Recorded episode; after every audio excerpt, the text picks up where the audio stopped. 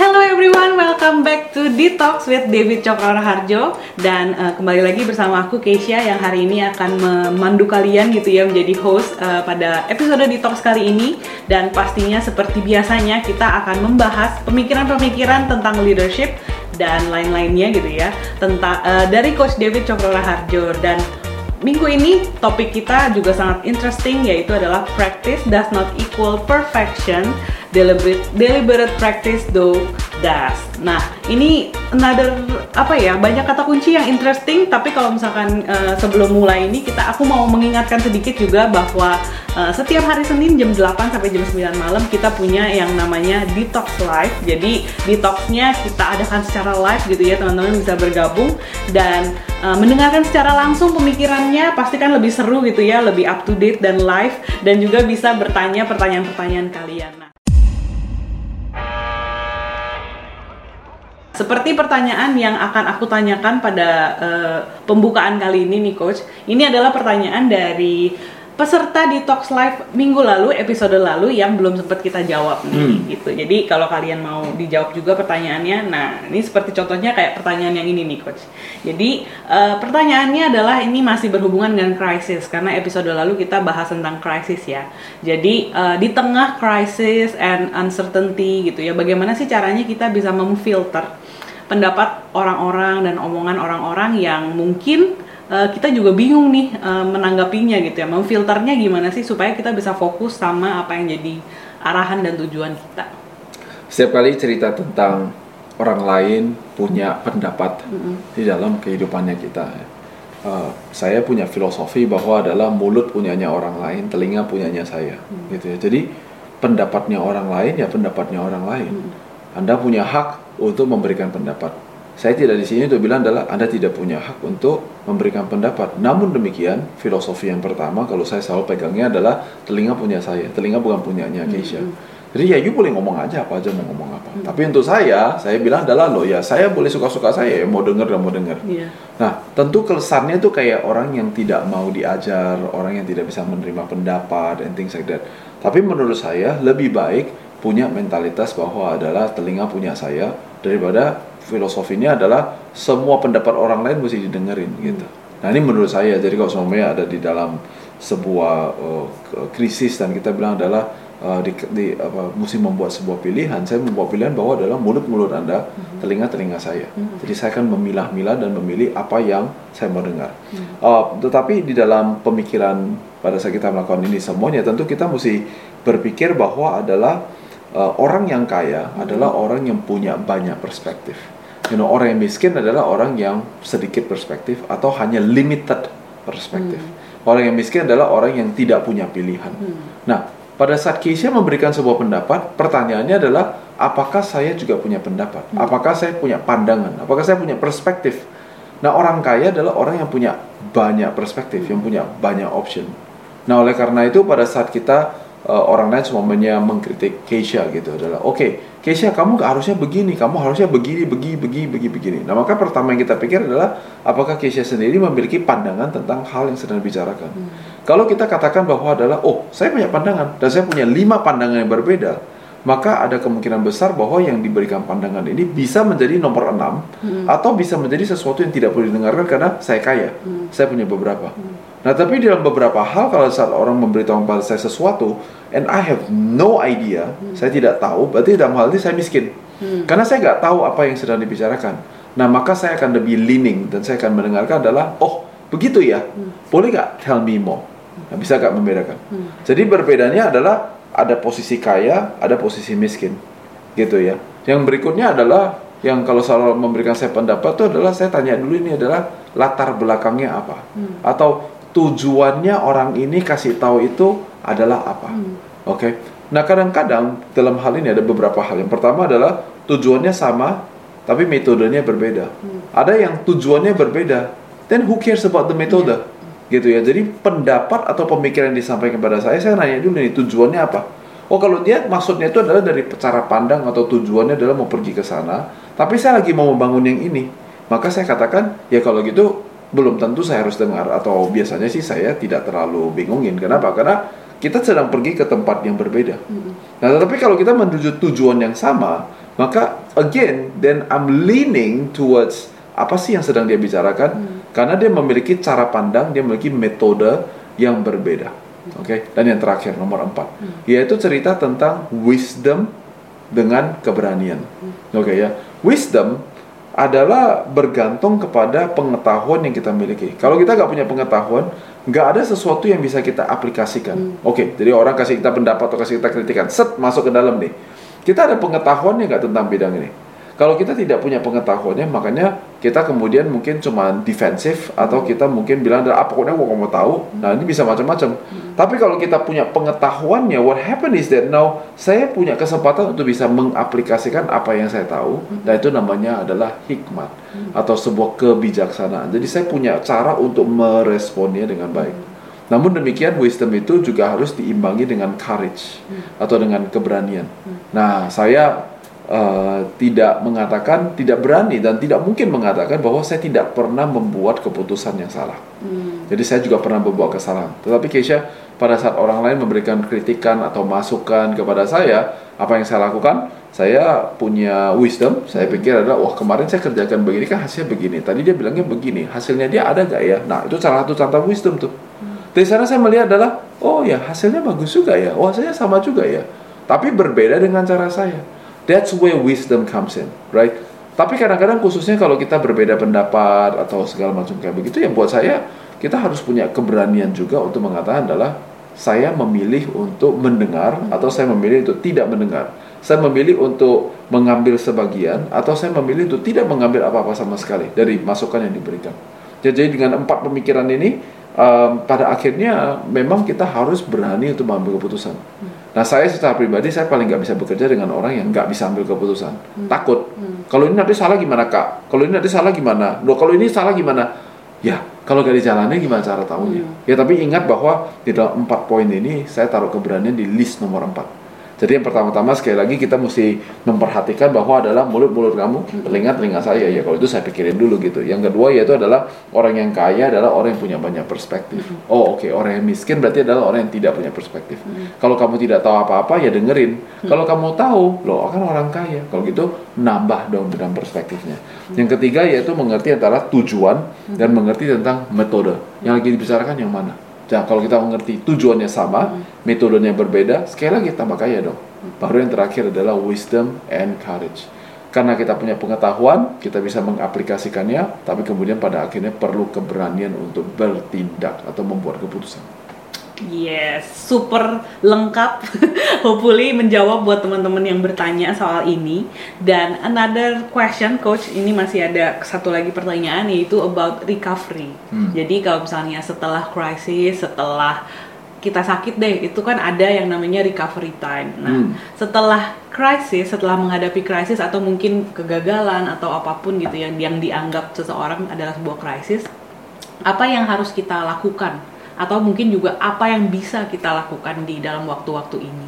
Ya, jadi pada saat kita mengalami krisis, sekali lagi kita ngulangi dari minggu lalu ya, krisis itu kadang-kadang orang bilang adalah is unpredictable. Nah, saya suka bilang adalah itu bukan unpredictable, eh, banyak sekali dalam kepemimpinan, dalam membangun bisnis, dalam berkarir, uh, membangun pernikahan yang sehat, apalagi membangun uh, badan yang sehat. Ini semuanya sebetulnya predictability-nya ada. It's unpredictable sebetulnya dimaksud adalah is unexpected. Ya. Ya, jadi ada sesuatu yang terjadi. COVID-19 merupakan sebuah sesuatu yang tersifatnya terjadinya secara uh, apa namanya tidak di uh, diduga-duga terjadi. Tetapi kalau kita bilang adalah itu tidak predictable, sebenarnya nggak nggak juga. Jadi sesuatu sebenarnya bisa diprediksi, cuman kita datangnya kapannya kita nggak tahu, ya kan. Nah oleh karena itu kalau kita dipukul oleh sebuah krisis dan kemudian pertanyaannya adalah kita recovery-nya seperti apa? Yang pertama pemikirannya adalah kita mau melakukan yang benar ya dilakukan lagi, dilakukan lagi, dilakukan lagi. Sekali lagi kalau teman-teman sudah mendengarkan saya berkali-kali, saya selalu katakan adalah produktivitas adalah sama dengan apa? Efektif dikalikan dengan efisien. Gitu ya. Jadi efektif adalah do it right. Efisien adalah do it fast. Kalau sudah bisa dikerjakan dengan benar dan bisa dilakukan dengan cepat pula, maka produktivitasnya meningkat. Nah, pada saat sebuah krisis terjadi, biasanya akan ter, eh, krisis tidak mengeluarkan, tidak merubah siapa diri kita. krisis hanya sekedar mengeluarkan siapa diri kita. Itu yang kita bahas pada minggu lalu. Oleh karena itu pada saat kita recover, maka kita akan melihat yang keluar daripada diri kita sendiri. Dan pada saat yang keluar yang benerannya keluar ini, ada gak yang benar? Maka yang pertama yang kita lakukan adalah kita empower what is right. Supaya apa? Loh, terbukti loh. Nah ini loh namanya terbukti. Terbukti apa terbukti? Karena kemarin waktu kena krisis, semua orang babak belur. Eh ternyata yang di area ini kita tetap berjalan dengan baik. Ini namanya apa? Berarti we have done it right. Nah, karena itu apa? Kita ulang lagi dong, kita besarin dong, kita jadikan semakin menjadi sesuatu yang menjadi uh, uh, yang kita akan terus jalankan di dalam usaha kita. Kenapa? Because ini udah benar, terbukti dengan krisis yang baru aja dilewati. Hmm. Oke. Okay? Namun demikian, biasanya di dalam sebuah krisis ada juga yang mengakibatkan uh, kebakaran atau kegosongan, ya, atau di mana adalah sesuatu yang wah ya rusak aja kayak begitu ya. Nah oleh karena itu ada sesuatu yang sifatnya kalau mau mati dia akan mati, tapi matinya akan mati by waktu berlalu. Hmm. Gak perlu kita tebas dia, gak perlu kita hilangkan dia, gak perlu ngapa-ngapain. Nah di dalam krisis seperti yang sekarang kita lakukan podcast ini uh, selama 2 tahun, tiga tahun yang belakangan ini ternyata memang ada yang uh, uh, mati atau dead mm -hmm. by design. Artinya adalah kalau kita perhatikan ya gara-gara krisis itu eh ada itu yang semuanya produktivitasnya menurun sendiri atau efisiensinya baru ketahuan wah ini tidak efisien sama sekali atau bahkan yang lebih parahnya tentu adalah sama sekali tidak efektif. Mm -hmm. Jadi selama ini apa? Cuma sebagai contohnya mencari transaksi atau whatever. Mm -hmm. Nah kadang-kadang kita nggak perlu kemudian menutup atau uh, menghancurkan sesuatu yang sifatnya anyway tiga tahun lagi atau tiga bulan lagi atau tiga hari lagi kemudian juga akan menjadi hilang secara sendirinya. Jadi saat kita mengalami uh, krisis kita akan melihat bahwa adalah ada hal-hal yang sudah tidak relevan, gak usah diapa-apain, hmm. mati sendiri kok. Iya. Baru yang terakhir tentu ada hal-hal tertentu yang kita katakan sama sekali sudah tidak relevan, bahkan tidak berguna, bahkan merugikan kita. Merugikan sebagai contohnya adalah taruh 20 orang ada di departemen itu tetapi kemudian sama sekali sudah tidak berguna, tidak bisa ber, uh, berproduktivitas, tidak uh, memberikan profit, tidak menghasilkan produk-produk uh, yang baru, you know, tidak memberikan uh, pelayanan yang lebih baik, gak ada. Udah kehilangan fungsi. Maka kita tidak punya cara lain yaitu apa? Ya kita harus tutup.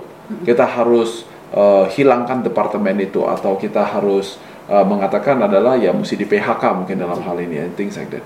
Nah ini merupakan sesuatu yang pada saat krisis terjadi sekali lagi dia mengeluarkan siapa kita mm-hmm. bukan merubah diri kita. Mm-hmm. Jadi bukan krisis yang merubah, tetapi adalah krisis itu mengeluarkan siapa kita yang sebenar-benarnya. Baik itu secara bisnis, secara organisasi maupun secara orang. Nah itu semuanya akan keluar. Nah pada saat keluar kadang-kadang ada yang harus dihilangkan dengan sengaja. Hmm. Yes, itu dia jawabannya super awesome seperti biasa. Nah, uh, kalau teman-teman juga pengen pertanyaannya dijawab gitu ya, mungkin tadi uh, terintrik gitu dengan apa yang Coach David sampaikan dan juga mungkin ada pemikiran atau pertanyaan yang timbul karena kita membahas topik pada malam hari ini. Boleh banget uh, teman-teman yang di live boleh bertanya uh, apa pun pertanyaan kalian ditulis aja di kolom chat atau di kolom yang sudah disediakan supaya bisa ditanyakan ke Coach David dan 1 sampai dua pertanyaan yang terpilih akan kita tanyakan pada episode kali ini. Nah, sebelum itu aku mau bahas dulu nih Coach uh, dari pemikiran Coach David yang ini yang kali ini kita bahas itu ada dua kata kunci yang paling besar menurutku. Jadi ada practice sama deliberate practice. Nah, ini kan uh, sekilas sama ya coach ya, ada kata-kata praktisnya. Nah, tapi ada tambahan deliberate-nya nih. Nah, ini apa sih yang membedakan kedua hal ini gitu?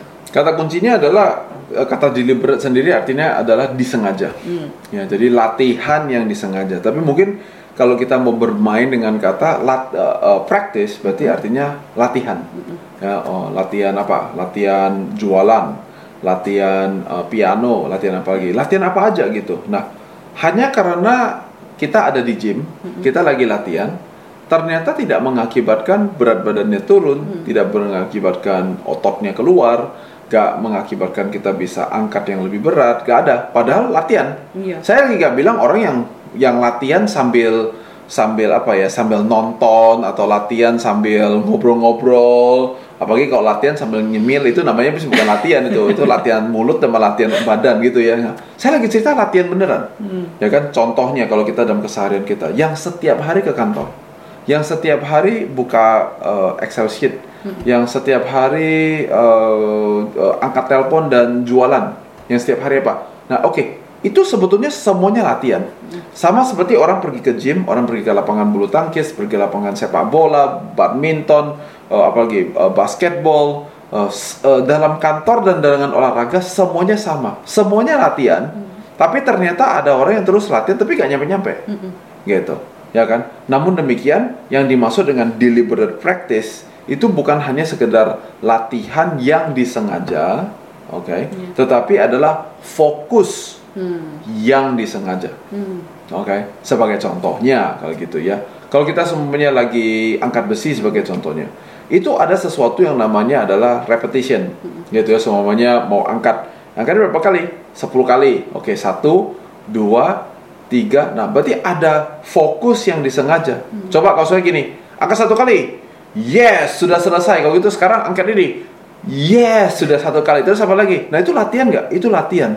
Tapi latihan tidak membuat kita kemudian menjadi uh, menjadi mengalami perubahan apa pun. Walaupun setelah kita latihan sedemikian, kita bisa merasakan badannya mungkin semuanya uh, terasa ada sakit-sakitnya atau apa gitu. Wah kayaknya atau apalagi kalau kata orang gini, wah keringat loh. Keringatnya berarti saya lagi olahraga loh. Wah kalau saya bilang begitu, makan bakmi di sauna room aja. Langsung nggak keringatan juga. Apakah Iya. artinya lagi olahraga? Kan enggak juga toh. Nah gitu.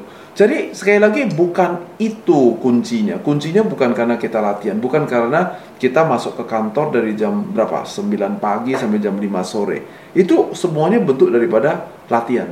Tetapi yang dimaksud dengan deliberate practice itu adalah sebuah latihan yang disengaja atau fokus yang disengaja. Berarti kita sudah mengatakan bahwa aktivitasnya adalah satu dan kemudian dilatih secara sengaja sampai ini nih terus melatih dan terus difokuskan dan terus disengaja secara terus-menerus sampai kita melihat sebuah perubahan. Oke. Nah, pada saat kita melihat perubahan, nah maka di situlah itu namanya adalah fokus yang disengaja atau bahasa Inggrisnya adalah deliberate practice. Artinya kayak gini, contoh ya, ketika kita angkat besi gitu ya. Oke, hari ini semuanya kita ambil berapa? Satu kilo, Nah, kita angkat gini. Kita angkat satu, dua, tujuh, dua puluh, dua puluh delapan, aduh, dua puluh sembilan, aduh, tiga puluh. Oke, udah gak bisa nih, kita taruh barangnya. Oke, dua menit kemudian kita melakukannya lagi. Adalah sebuah fokus yang disengaja secara terus menerus sampai apa? Sampai ada perubahan. Perubahannya bisa macam-macam. Mungkin dari 30 sekarang bisa jadi 50 atau sekarang tetap 30 nah ini kalau by the way ada yang mau nge-gym tetap 30 tapi kemudian beratnya sekarang bukan satu kilo tapi menjadi satu setengah kilo. Tetap 30 tapi satu setengah kilo. Maka perubahan terjadi. Perubahannya apa yang terjadi? Deltanya apa? Satu menjadi satu setengah kilo. Tapi juga ada yang perubahannya apa? Yaitu adalah tetap satu kilo tapi dari 30 menjadi 40 kali.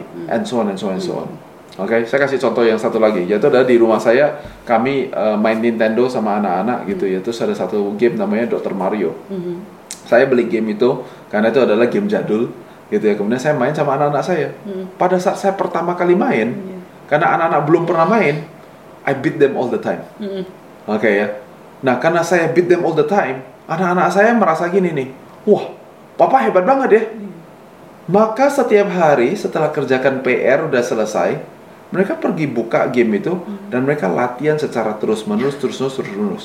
Sekarang boro-boro kalahkan anak saya yang paling besar. Sekarang yang anak tengah aja umur 10 tahun main sama saya lebih sering dia yang menang daripada saya yang menang. Oke, kalau main sama Rachel, waduh, main 10 kali saya menangnya setengah kali. Mungkin 20 saya menang satu kali. Menang satu mungkin di force sama anak saya. Iya. What just happened? Deliberate practice.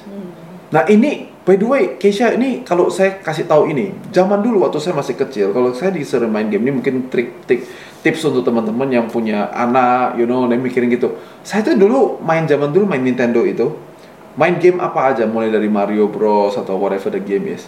Saya mesti main dari level 1 sampai level paling bontotnya ketemu sama uh, the, the big boss gitu ya dan sampai akhirnya kalah. Pada saat kita udah menang nih, pas sebelum dia ditembak sekali lagi, tuk, dan mati gitu ya, kira-kira gitu ya. Saya langsung mencet button start. Tuk, untuk apa? Pause. Oh. Tahu nggak untuk apa? Celebrate. Bukan. Bukan. Tunggu papa pulang. Oh. Karena kalau saya tidak selesaikan di level yang terakhir dan menang yang kemudian ada special thanks bapak-bapak kayak begitu, saya nggak bisa beli game yang baru. Oh, oke. I'm telling you this story karena di sesuatu yang mulai hilang di dalam generasi-generasi kita. Kerja sesuatu kalau bahasanya orang tua saya adalah ada kepala, harus ada ekor. Kalau kerjakan sesuatu, selesaikan pekerjaan itu. Nah, saya mesti jujur mengatakan, ini yang mulai kehilangan. Jadi kebanggaan saya hari ini adalah apa? Jadi kalau dulu main satu game, kalau bisa mau punya, kalau di, di- saya punya game tuh ada 20 biji, berarti itu setiap kaset itu saya sudah pernah selesaikan. Karena kalau nggak selesai, zaman dulu by the way, sering mati lampu. Jadi kalau semuanya udah di pause gitu ya, eh mati lampu. Ulang. Saya bilang sama papa, Pak, tapi itu cuma tinggal tembak sekali lagi mati dia. Saya sudah menang loh tadi. Mana buktinya nih bang? Gak ada. Jadi besok ngapain? Ulang lagi main dari level 1. So sekarang ada ada storage card ya bisa disimpan. Zaman dulu gak ada. You see, itu yang membuat kita kadang-kadang orang bertanya sama saya, kok bisa sih Fit lu kayaknya semangat tinggi banget terus kayak eh, apa itu namanya kayak semangat juangnya itu untuk menyelesaikan sesuatu kalau udah mau sesuatu itu kayak betul-betul dilakukan sampai habis. It's all deliberate practice. Itu sebenarnya saya membedakan fokus yang sengaja dengan cuma latihan tok. Latihan tidak akan mengubah kalian. Fokus yang disengaja itu akan mengubah segala-galanya. Oke, wow. Penjelasan yang super lengkap gitu ya. Ternyata baru tahu kita bisa ngajarin sesuatu juga dari uh, beliin game ya, coach ya. Oke. Another uh, pemikiran atau pertanyaan dari aku adalah um, sering denger nih ungkapan kalau di bahasa Indonesia mungkin uh, mirip-mirip dengan apa yang kita bahas pada malam hari ini adalah uh, bisa karena biasa gitu. Jadi ungkapan di bahasa Indonesia. Nah, apakah coach David setuju dengan pernyataan ini? Definitely bisa karena biasa. Uh, as a matter of fact, uh, teman-teman mungkin juga pernah mendengarkan bahwa uh, untuk menjadi jagoan, menjadi uh, benar-benar yang terhebat di dalam suatu bidang, kita membutuhkan 10.000 jam. Ya. Oke ya. Sekali lagi, uh, apa yang diperhatikan sebagai contohnya uh, Malcolm Gladwell mengatakan bahwa 10.000 jam itu yang saya paling ingat yaitu adalah sebuah karakter yang saya senang dengarnya yaitu adalah Yoyoma. Yoyoma itu adalah pemain uh, cello. Dia mengatakan bagaimana Yoyoma itu main cello itu ya kan satu hari itu bisa literally belasan jam di depan cello terus main sampai bagaimana? Sampai dia punya spine-nya itu tulang belakangnya itu bengkong sedikit. Kenapa? Karena pegangnya begini main terus main terus and he is one of the best of the best untuk mainan itu. Nah sekali lagi saya mau katakan begini, bisa karena biasa kan. Tapi dia gak sebentar main cello, sebentar main violin, sebentar main gitar, sebentar main piano, sebentar. Walaupun saya yakin banget bahwa orang ini harusnya bisa main lebih daripada satu alat musik. Oke. Nah, ini sesuatu yang penting sekali. Jadi bisa karena biasa. Yes. Tapi yang bisanya itu adalah bisa karena 10.000 jam melakukan satu hal. Satu hal. Coba se- kalau mau dibuktikan ya. Kalau setiap kali kita melihat seorang bayi merangkak dan pada saat dia merangkak kemudian dia jatuh gubruk gitu. Terus setiap kali dia mau merangkak kita bilang gini, aduh nak jangan jangan jangan jangan nanti jatuh lagi kamu. Kita angkat anaknya.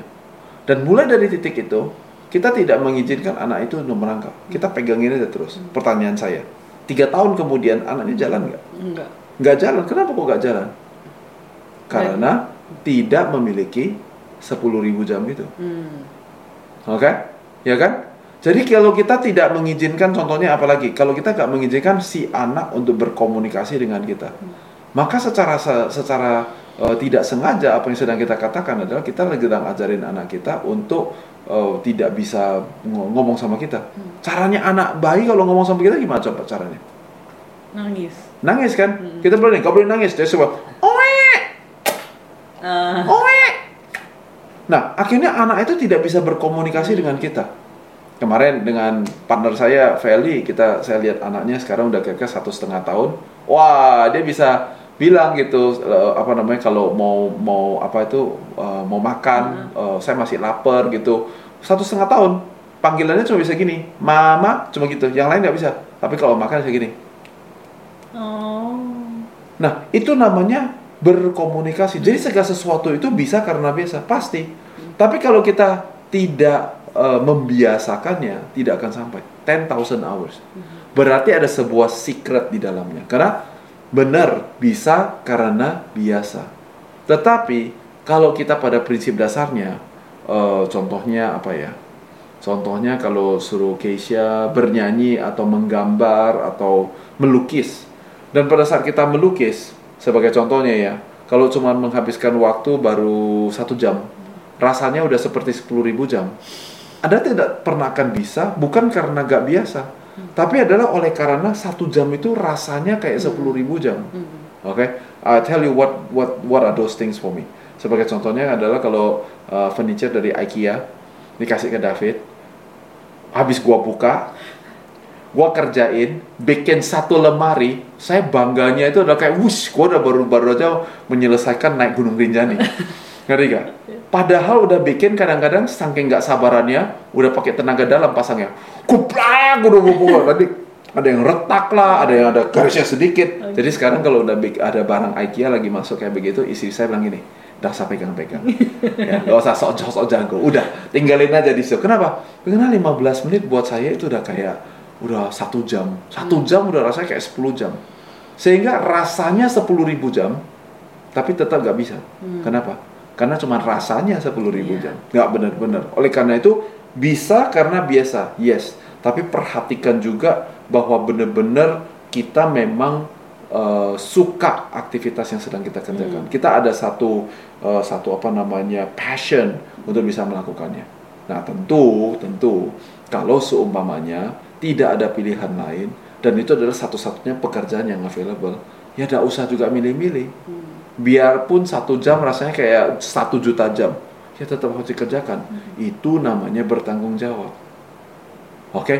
jangan dicampur-campur. Kalau dicampur-campur semuanya itu bukan jadi nasi campur. Itu tadinya seperti kayak orang makan pizza sama bubur sama apa? Sama pasta. Itu bukan nasi campur. Dan hmm. oleh karena itu jadi bingung. Hmm kalau kamu punya tanggung jawab, jalankan tanggung jawabnya. Tapi kalau lagi cerita tentang supaya saya bisa menjadi jagoan di sesuatu hal, ingat 10.000 jam. Dan berhubungan dengan apa yang menjadi passion kita. Sehingga 10.000 jam harusnya rasanya kayak apa? Kayak dua jam. Hmm. Wah, coba bayangkan. Kalau kerjakan urusan 3 tahun, 5 tahun, rasanya baru seperti kayak kerjakan satu tahun, satu minggu. Luar biasa. Sekarang kita udah bulan berapa? Bulan Oktober. Hmm saya merasa tahun ini telah cepat sekali. Tahu gak artinya apa? Berarti bisnis yang saya lagi jalankan, podcast yang sedang kalian dengar, semua ini yang saya kerjakan, saya selalu kalau lihat Keisha udah lihat lihat turun ke bawah saya juga lihat turun ke bawah lihat wah sudah habis 30 menit. You know kenapa? Karena 10 jam itu eh apa 30 menit itu bagi saya jalannya cepat sekali. Mm -hmm. Saya mesti terlalu melatih diri saya untuk apa? Jawabnya lebih singkat sedikit lagi, Fit tapi setiap kali saya jawab tuh saya merasa kayak, ah, but, but tapi angle-nya belum lengkap nih. Saya mau kasih tahu lebih lagi kayak begitu, ngerti ya? Mm -mm. Tapi I realize that, ah cuma punya 60 menit, gak lebih careful. Mm -hmm. uh, you know, kita gak mau cuma terlalu fokus di satu jawaban aja. Nah, itu tanda-tandanya apa? Cepet. Mm. Coba bayangkan, saya satu hari kerja kira-kira antara 10 sampai 14 jam.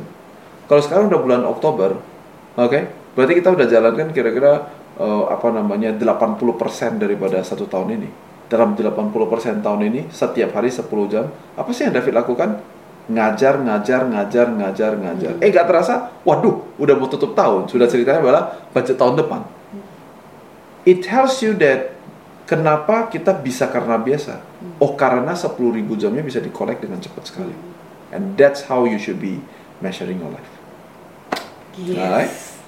mantap jawabannya dan sebelum kita lanjut ke pertanyaan dan pemikiran berikutnya coach. Aku mau ngingetin bahwa sekarang Detox sudah punya uh, official merchandise-nya gitu ya. Jadi kalau kalian uh, suka nih sama quotes atau pemikiran pada malam hari ini atau di episode-episode sebelumnya kita punya uh, kalian bisa pergi ke linknya gitu ya. Siapa tahu nanti dipakai biar teringat terus biar fokus terus gitu ya coach ya. Jadi kalian bisa akses uh, link yang kita sudah sediakan di uh, kolom chat atau di description box nanti kalian bisa cek-cek karena nggak cuman kaos nanti ada tumbler, ada notes, ada topi dan lain-lain yang banyak gitu. Jadi bisa cek ke sana uh, dan hopefully uh, bisa suka gitu ya dengan barang-barang kita dan juga uh, aku mau lanjut ke pertanyaan selanjutnya coach gitu ya. Jadi pertanyaan selanjutnya adalah tentang evaluasi gitu ya. Kalau kita tadi ngomongin tentang fokus sampai ada perubahan gitu kan. Berarti kan harus ada yang dievaluasi nih coach. Tapi waktu melakukan deliberate practice tanpa sadar kita suka uh, membenarkan diri gitu ya. Jadi kayak kalau misalnya ngejim mah ah udahlah gitu ya. Udah capek gitu ya. Udah kayaknya tadi udah udah udah sakit deh muscle-nya gitu. Tapi kita kan pengen tetap improve. Jadi kita gimana sih caranya kita bisa evaluasi diri kita dengan honest be honest with ourselves. Dan mungkin coach David bisa share apa yang coach David sendiri lakukan gitu. cuma satu kata hmm. yaitu adalah berhitung benar-benar harus berhitung. Jadi kalau saya lagi angkat besi, saya gak cuma sekedar suka-suka saya, hmm. tapi kita hitung satu, dua, tiga, kita berhitung. Um, ada dua cara berhitung. Yang pertama adalah mencapai sebuah tujuan ala maraton. Maraton 42 km, berarti kita mengukurnya dengan apa? Oh ya, 42 km atau mungkin adalah dengan uh, dalam waktu 30 menit atau dalam waktunya sesuatu.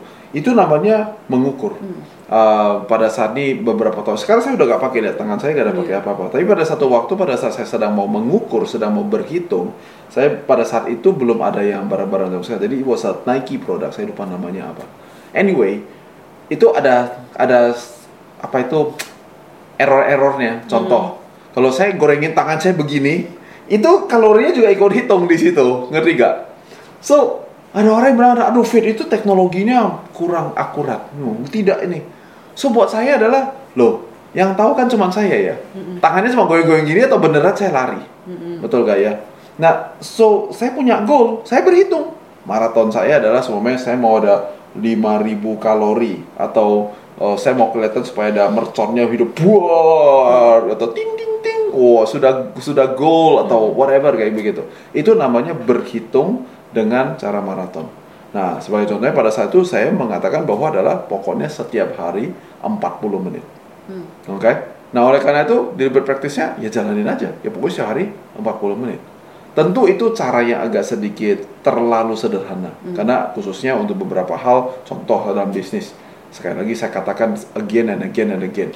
Bisnis tidak sama dengan transaksi. Walaupun bisnis butuh transaksi. Tapi namun demikian, paling sedikit kalau kita sedang sedang melakukan deliberate practice, mungkin pada saat ini karena kita penjualannya baru 40 juta rupiah per bulan sebagai contohnya. Berarti bilang adalah, oke okay, maraton, pokoknya maraton apa? Pokoknya udah deh coach, saya mau 200 juta rupiah satu bulan. It can be a marathon. Oke, okay?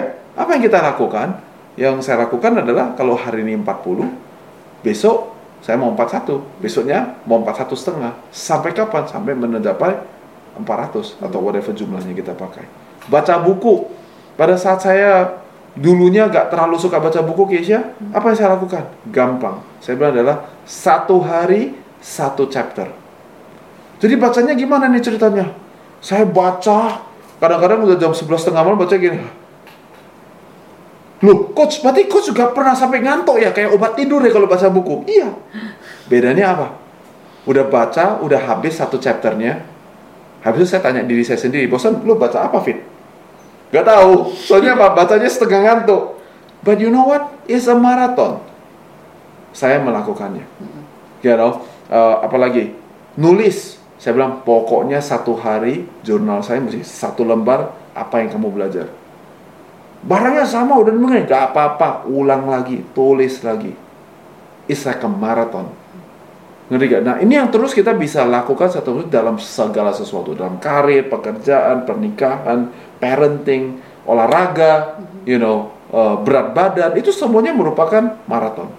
Ah, di dalam itu perlu kombinasi yang kedua menurut saya, yaitu adalah yang saya sebut dengan field goal percentage. Kalau kalian pernah dengar saya cerita tentang main bola basket dan segala macam, ada orang-orang yang tembak bola 100 biji masuknya berapa? Hmm. Jadi pada saat saya mengukur diri saya sendiri, saya mengukurnya dengan berapa banyak yang masuk. Hmm. Oke? Okay? Nah, kalau yang berapa banyak sekarang semuanya 20%. So, saya bilang gini, saya mau baca buku satu chapter setiap hari. Kalau 10 hari berarti 10 chapter hmm. dong. Pertanyaan saya dalam 10 hari itu kita bacanya berapa chapter? Hmm. Oh, ternyata kita cuma bacanya adalah 6 chapter. Oke, berarti hit rate saya berapa? 60%. 6 per 10 kali 100%. 60%. Right? Ini betul-betul adalah sesuatu yang saya lakukan untuk segala sesuatu. Sampai ada orang yang bilang, David itu orangnya kalau terlalu KPI minded. Kelewat OKR minded kalau bahasa hari ini. Tapi kalau banyak orang KPI minded. Contoh, main bola basket hari Sabtu jam 7 pagi yang harusnya cuma untuk have fun saja. Saya setiap kali tembak bola di kepala saya hidup bahwa adalah lu baru tembak sekali tuh. Kalau masuk berarti adalah satu per satu. Berarti tembak satu masuk satu. Berarti field goal percentage-nya 100%. Tembak yang kedua saya itu nih tembak dua eh gak masuk berarti satu per dua. Dan selama dua jam saya main di kepala saya saya hitung. Tadi saya tembak bola berapa kali dan kemudian berapa biji yang masuk. Tadi tembak tiga poinnya, tembak berapa biji, berapa biji yang masuk. Kemudian tadi free throw-nya berapa kali, tadi rebound-nya berapa kali, ngebloknya berapa kali. Dan saya hitung. Saya catat. Minggu depan main lagi kan. Saya taruh lagi dan saya lihat lagi nilainya. Orang bilang kurang kerjaan ya Fit ya. But that's how you build deliberate practice. Yaitu adalah dengan berhitung. Atau bahasa Inggrisnya kayak gini, make it counts. Jadi setiap yang kita kerjakan itu kita mulai berhitung. I really really do. Ada begitu banyak hal yang dulunya saya gak mengerti dan saya berhitung. Baik dengan cara maraton, dengan mencapai sebuah tujuan atau dengan mencari field goal percentage. Nah dua cara ini penting dalam membangun deliberate practice. Karena kalau kita nggak punya tujuan dalam hal ini 42 km atau satu eh, chapter per hari atau 100 juta rupiah atau 20 customer atau semacamnya ini kita kehilangan sense of direction. Itu sebabnya banyak orang yang kemudian berhenti di tengah jalan. Bulan Desember bilang adalah resolusi saya untuk tahun baru adalah untuk titik titik titik titik.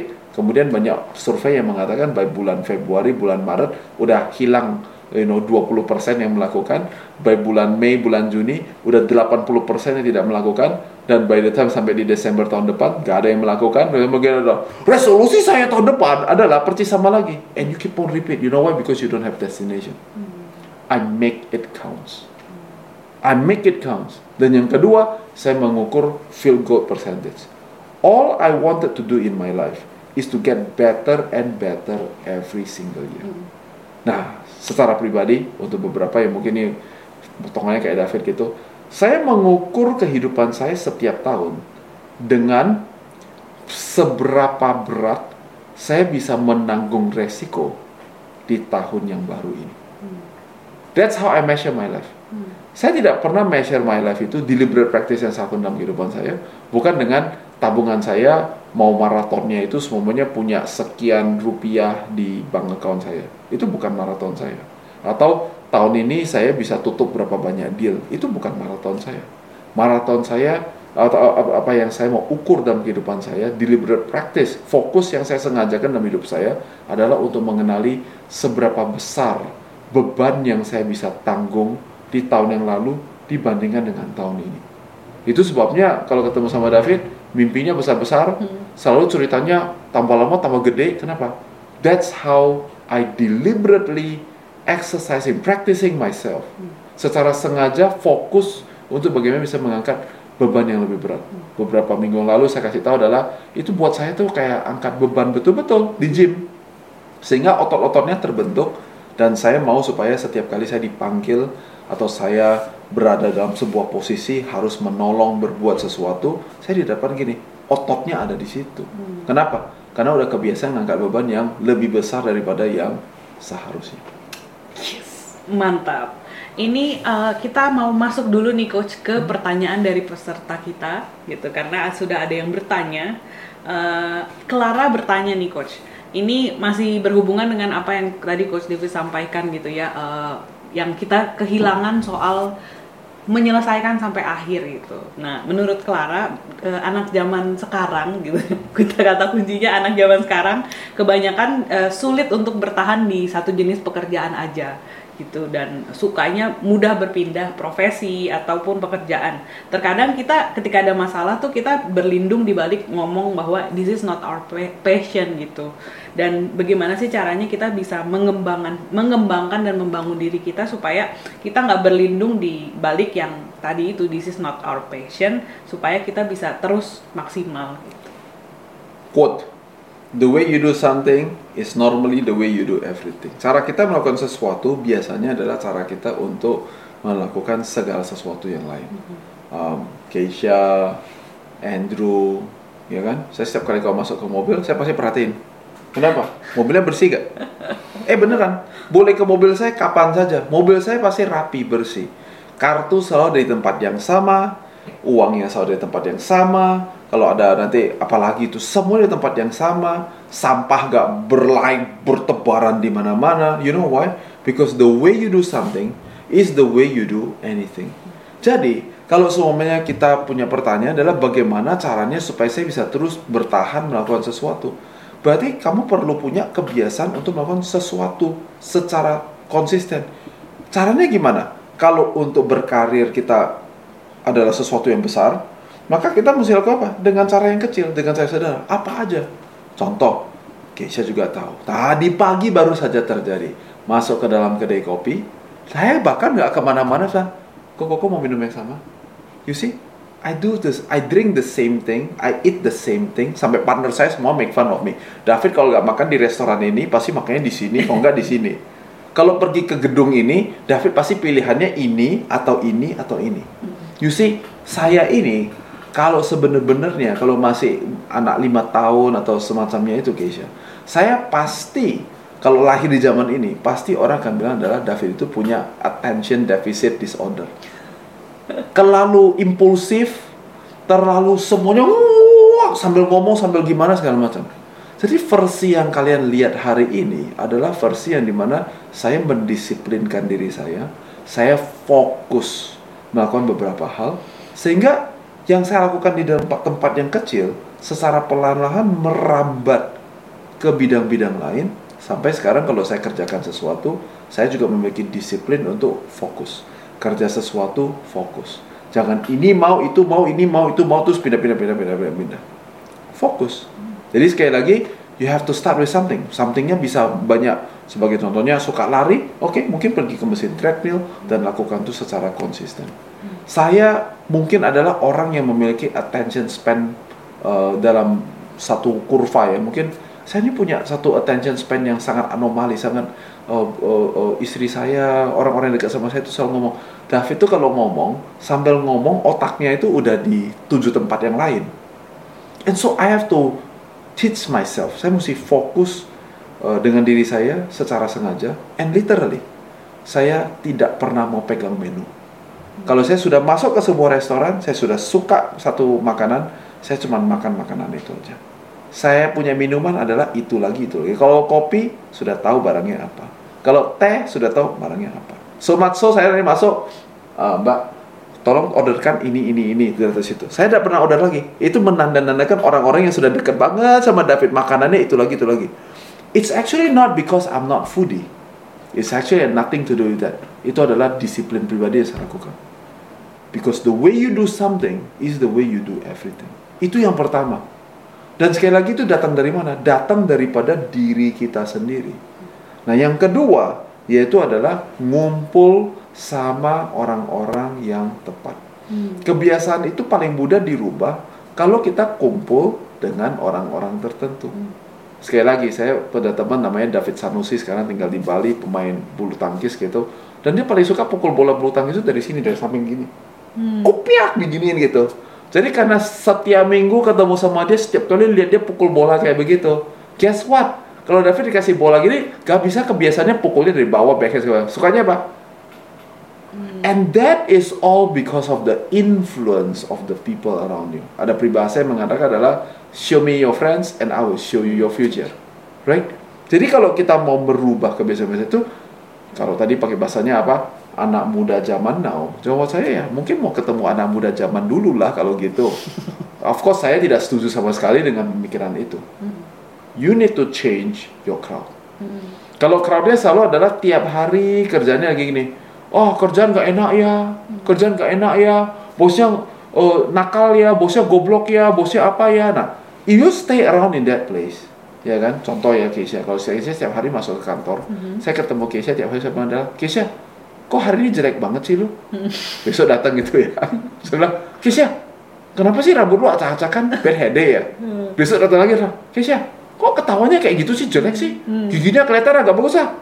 Terus besok dah kalau tiap hari saya gitu gitu mana ada ceritanya Keisha besok masuk kerja kok saya hari ini semangat loh kerja gak ada gak mungkin betul gak ya tentu semua orang perlu ada di dalam eh, sebuah lingkaran atau se- sebuah dunia yang di mana apa encourage sesuatu oleh karena itu adalah mungkin kita juga perlu meninggalkan kadang-kadang kita perlu meninggalkan crowd yang sedang ada Alright, Uh, contohnya siapa? Ya tadi dapat Clara yang bertanya ya. Yes. ya. Clara, Clara perlu kumpul sama siapa? Perlu kumpul sama Keisha, sama Andrew, sama Steven, sama orang-orang di sekitar saya. Ini orang-orang sekitar saya semuanya nah, 20-an, 30-an, kan nggak pindah-pindah kerja itu. Semuanya militan, semuanya semangat, semuanya kerjanya se- apa namanya mau mau pagi, mau siang, mau sore, mau malam, mau tengah malam. Kita punya culture yang berbeda. You need to hang out in the right crowd. Betul gak sih ya? Ya, jadi saya satu punya drive yang besar yang saya tahu banyak orang mengatakan bahwa adalah ya fit soalnya David David sih kita enggak. Kalau saya bisa kenapa kalian nggak bisa? Saya 42 bisa kok kalian mudah-mudahan pada nggak bisa saya nggak mengerti.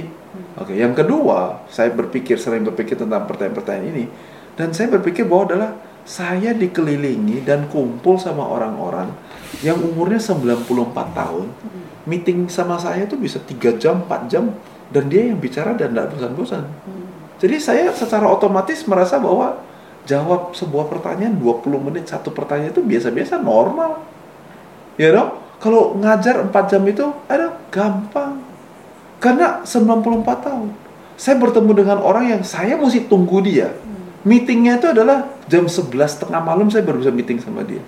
Udah jam 11 tengah malam dia satu hari penuh Keisha. Meetingnya sampai jam berapa? 1.30 pagi dianya juga gak ngantuk gak pernah sekali gini. Gak pernah. Masih semangat. You see saya dikelilingi sama orang-orang yang di mana saya lihat ke atas saya melihat orang-orang yang memiliki daya juang yang tinggi. Saya melihat kepada kolega saya saya melihat orang-orang yang punya daya juang yang tinggi. Saya lihat ke bawah saya juga memiliki orang-orang tim-timnya semuanya militan. So my crowd then determine the energy that I have. Dan ini sesuatu yang eh, penting sekali contoh kalau saya lagi eh, main bola basket bersama dengan suaminya anda you know saya punya saya drive juang saya itu lebih tinggi daripada biasanya dibandingkan kalau dia ada di situ Oh, karena kenapa? Saya lagi mau kasih tahu, oh masa kalah sama 42. Tiba-tiba saya larinya lebih banyak, saya lompatnya lebih banyak, saya reboundnya lebih banyak, saya agresifnya meningkat. Kenapa? Because saya ada sebuah environment yang di mana saya katakan, I'm going to give this energy to you passing on. Of course, kalau suaminya gak ikut, ada Andrew-Andrew yang lain yang saya mau buktikan juga. Nah, you see, because my full life circle diisi oleh orang-orang yang di mana saya dalam posisi yang bisa mengencourage orang lain, dan saya dalam posisi saya ditantang sama orang lain juga. Saya dalam posisi yang di mana saya mesti mengatur di sekitar saya.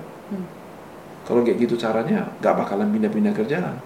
Gak bakalan kita merasa, ah ini kena urusan anak muda zaman now. No, I don't think so. I don't think so. Orang-orang di generasi saya, Keisha, ada kok yang juga terus setiap hari, setiap tahun saya ketemu. Oh, itu dulu fit, kok sekarang udah pindah. Nanti ketemu lagi saya pindah, ada, ada, gitu. Cuman saya nggak ada, ya saya coba untuk encourage, tapi saya nggak nggak mencoba untuk stay di crowd itu.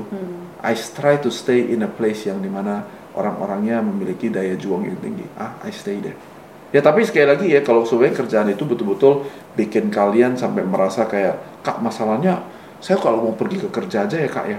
I'm not not only that I'm dragging my feet you know tapi saya merasa kayak gue mau gantung diri aja kak. Mau bunuh diri aja. Oke tinggalin aja kerjaan itu.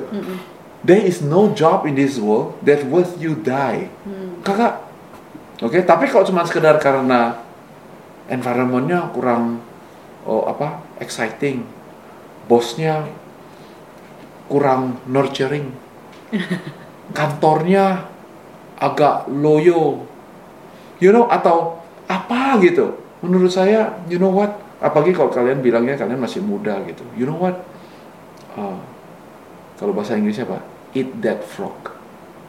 Telan aja saya jamin saya berani membuat sebuah jaminan kalau kalian berjuang tinggi you fokus secara sengaja menyelesaikan your punya pekerjaan bukan hanya you will get into your destination, tapi lebih daripada itu akan keluar otot-otot yang berbeda.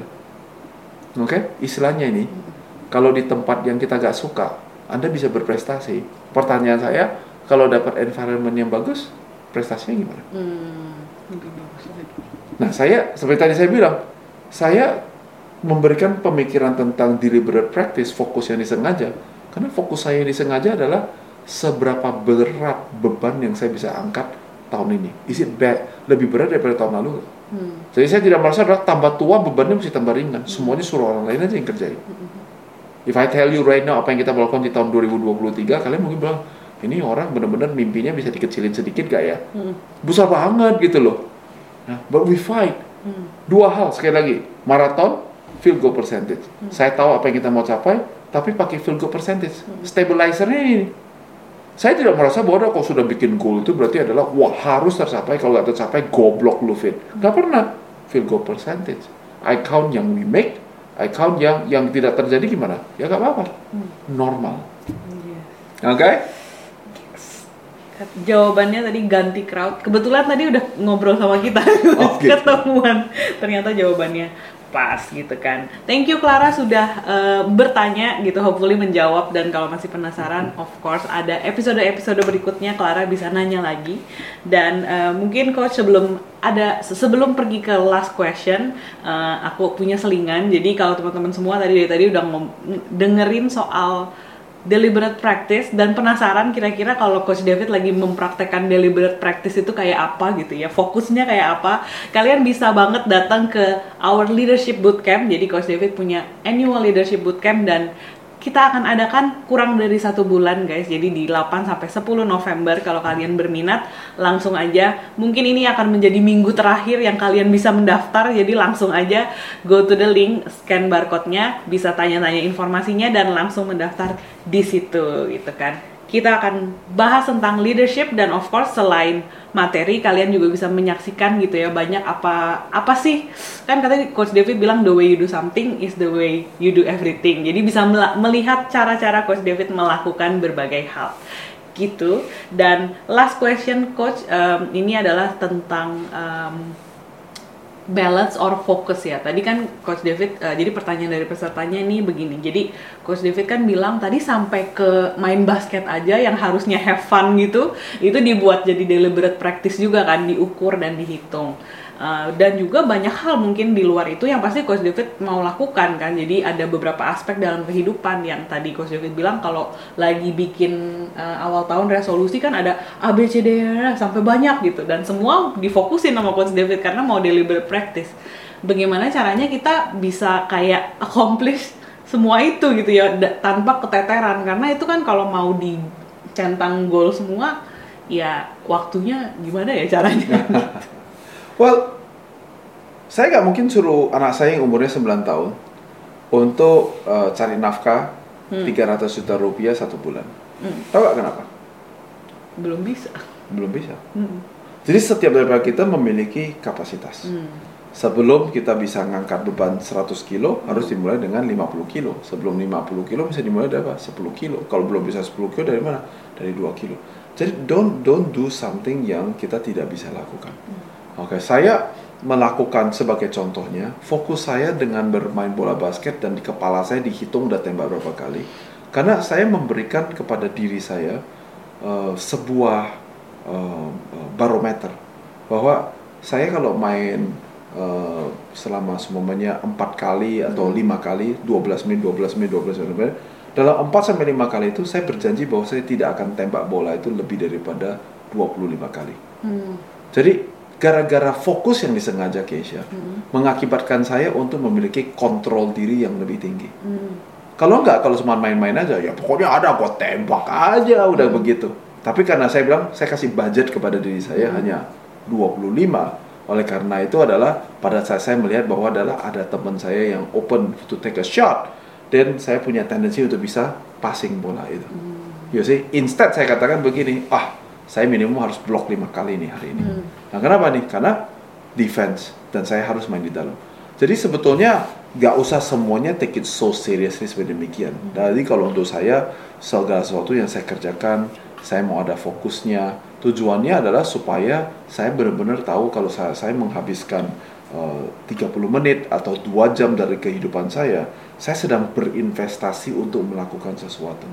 You know, in bola basket saya sadar bahwa uh, uh, saya kebiasaan suka uh, ya pegang bola ditembak kira-kira begitu ya. And so I say that, you know, saya harus deliberate practice. Kalau nggak lama-lama orang nggak mau main sama saya. Hmm. Karena orang apa sih pegang bola tembak-tembak melulu, nah gitu kayak begitu. So you gotta do something different. Hmm. Insanity is defined as doing the same thing again and again and again and expecting a different result. Hmm. Ya, jadi menurut saya itu sih yang yang kita perlu lakukan. Jadi satu adalah sekali lagi kalau memang belum bisa, ya tak usah dilakukan. Hmm. Gak usah semuanya. Harus tahu diri maksud saya gitu. Yeah. Ya, tapi kalau semuanya uh, uh, sudah tahu bahwa saya bisa, kita melakukan, kita mesti tanya gini, tujuannya apa ini? Hmm. Destinationnya apa? Kenapa saya perlu melakukan hal ini? Nah, kadang-kadang kita di practice karena kita yang kita pikirkan selalu adalah oh itu supaya kita bisa menjadi uh, better dalam secara finansial, secara kekerenan kita mungkin atau jumlah follower kita. Uh, well, not necessarily. Hmm. Kadang-kadang kita bisa melakukan deliberate practice yaitu adalah justru apa? Contoh, kalau kita di practice melakukan sesuatu intermittent fasting atau you know whatever program you're doing, right? Itu tujuannya betternya apa? Betternya itu sebenarnya shading atau apa? Uh, mengurangi, jadi bukan bukan uh, uh, menambah gitu ya. Jadi menurut saya uh, saya nggak ada jawaban yang tepat. Jawaban saya adalah saya lakukan, tapi saya cuma berjanji bahwa saya tidak mau melakukan sesuatu tanpa tujuan. Hmm. Saya pergi ke gym bukan tanpa tujuan. Hmm. Gitu. Jadi ada sesuatu yang kita mesti mau capai hmm. gitu ya saya mau pastikan bahwa saya ajarkan kalian berkali-kali bahwa uh, time is not money uang uh, waktu itu bukan uang time is investment waktu adalah apa yang kita investasikan masuk ke dalam hidup kita baik itu adalah beristirahat baik itu adalah melakukan aktivitas hmm. baik itu adalah uh, pergi ke sekolah yang betul-betul berinvestasi atau pergi kerja itu juga adalah investasi nah mungkin mungkin dalam kehidupan kita kita dalam posisi yang di mana mungkin 60% 70% dari kehidupan kita is time is money. Mm-hmm. Bisa sesuatu yang ya keluar aja udah begitu. Oke, okay, tapi berarti ada 30%, ada 20% yang investment dong. Focus on the right thing. Nah, itu yang fokus yang bisa disengaja. Berarti kalau tahun ini semuanya 30% dari kehidupan saya merupakan investasi. 70% ya pokoknya ya jalan aja ya sesuai dengan orangnya mau ngapain. Oke, pertanyaan saya adalah tahun depan bulan depan, bisa nggak 30% menjadi 35%? Nah ini mulainya dari situ. Saya seperti Keisha dan seperti orang lain, saya mulai kehidupan saya dengan adalah waktu saya didikte oleh orang lain. Tapi saya deliberate practice. Saya fokus. Saya fokus dengan melihat semua aktivitas dan saya ingin yang mana yang ini merupakan investasi buat saya. Dari semuanya dan saya mulai identify, saya bilang adalah yang ini, yang ini, yang ini, yang ini, yang ini. Oke, saya tanya. Ini cuma ada empat kali ini satu minggu. Bisa nggak minggu depan itu menjadi tujuh kali? Bisa nggak minggu depannya lagi menjadi sepuluh kali? Jadi hari ini seperti yang tadi saya katakan, setelah hampir satu tahun, sepuluh bulan ini berjalan, saya udah merasa, loh, sudah Oktober lagi ya? Because time flies.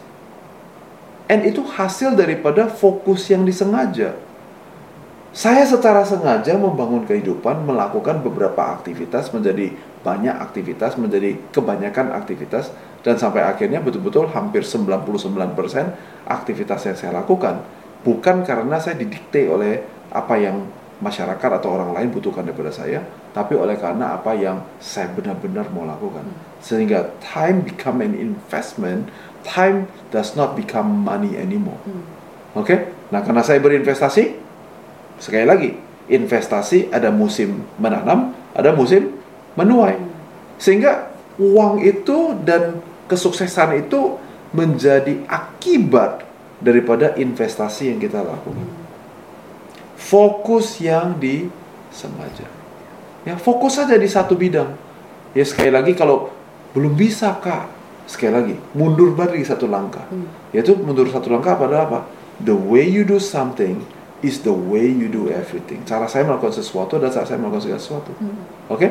Mulai literally dari cara kita habis gosok gigi bersihin gak itu wastafel. Ini cerita beneran. Oke, saya pun saya dan saya mengajar anak-anak saya dan kepada saya diri saya sendiri itu sudah pakai wastafel, sudah pakai selesai. Ya gini aja pakai tangan ya serap, puput, sut, sut, sut, sut, bersih. Makanya rumahnya nggak ada pembantu tapi tak bersih. See, if you always think that all these things are simple stuff and I can always do it, oke? Okay? Makanya nanti di dalam kehidupan kita tiba-tiba rasanya gini, semuanya cepat, semuanya gampang. Karena kerjanya satu flow. Kerjanya nggak kayak udah kerjakan ditinggalkan bye bye hmm. wah nanti sini sampah sini ada ini sini ada itu. Semuanya rapi satu persatu. Because the way you do something is the way you do everything. Itu termasuk adalah fokus yang disengaja. Baik untuk ngajarin anak kalian maupun untuk diri sendiri kalau memang ternyata time as an investmentnya belum jalan. Hmm. oke okay? super awesome. Mantap thank you coach David untuk pemikiran dan episode kali ini gitu ya. Dan uh, sebelum menutup detox kali ini aku mau mengingatkan sedikit kalau kalian mau join leadership bootcamp with David Cokro Raharjo yang kita lakukan secara annual atau setiap tahun.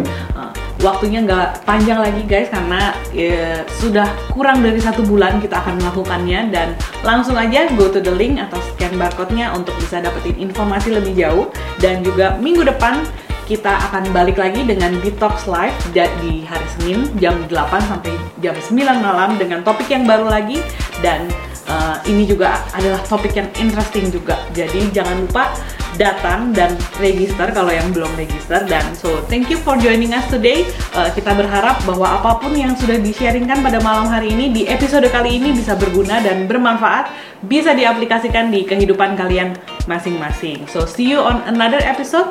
As always, let's be a generation of thinkers, not just doers. Bye bye.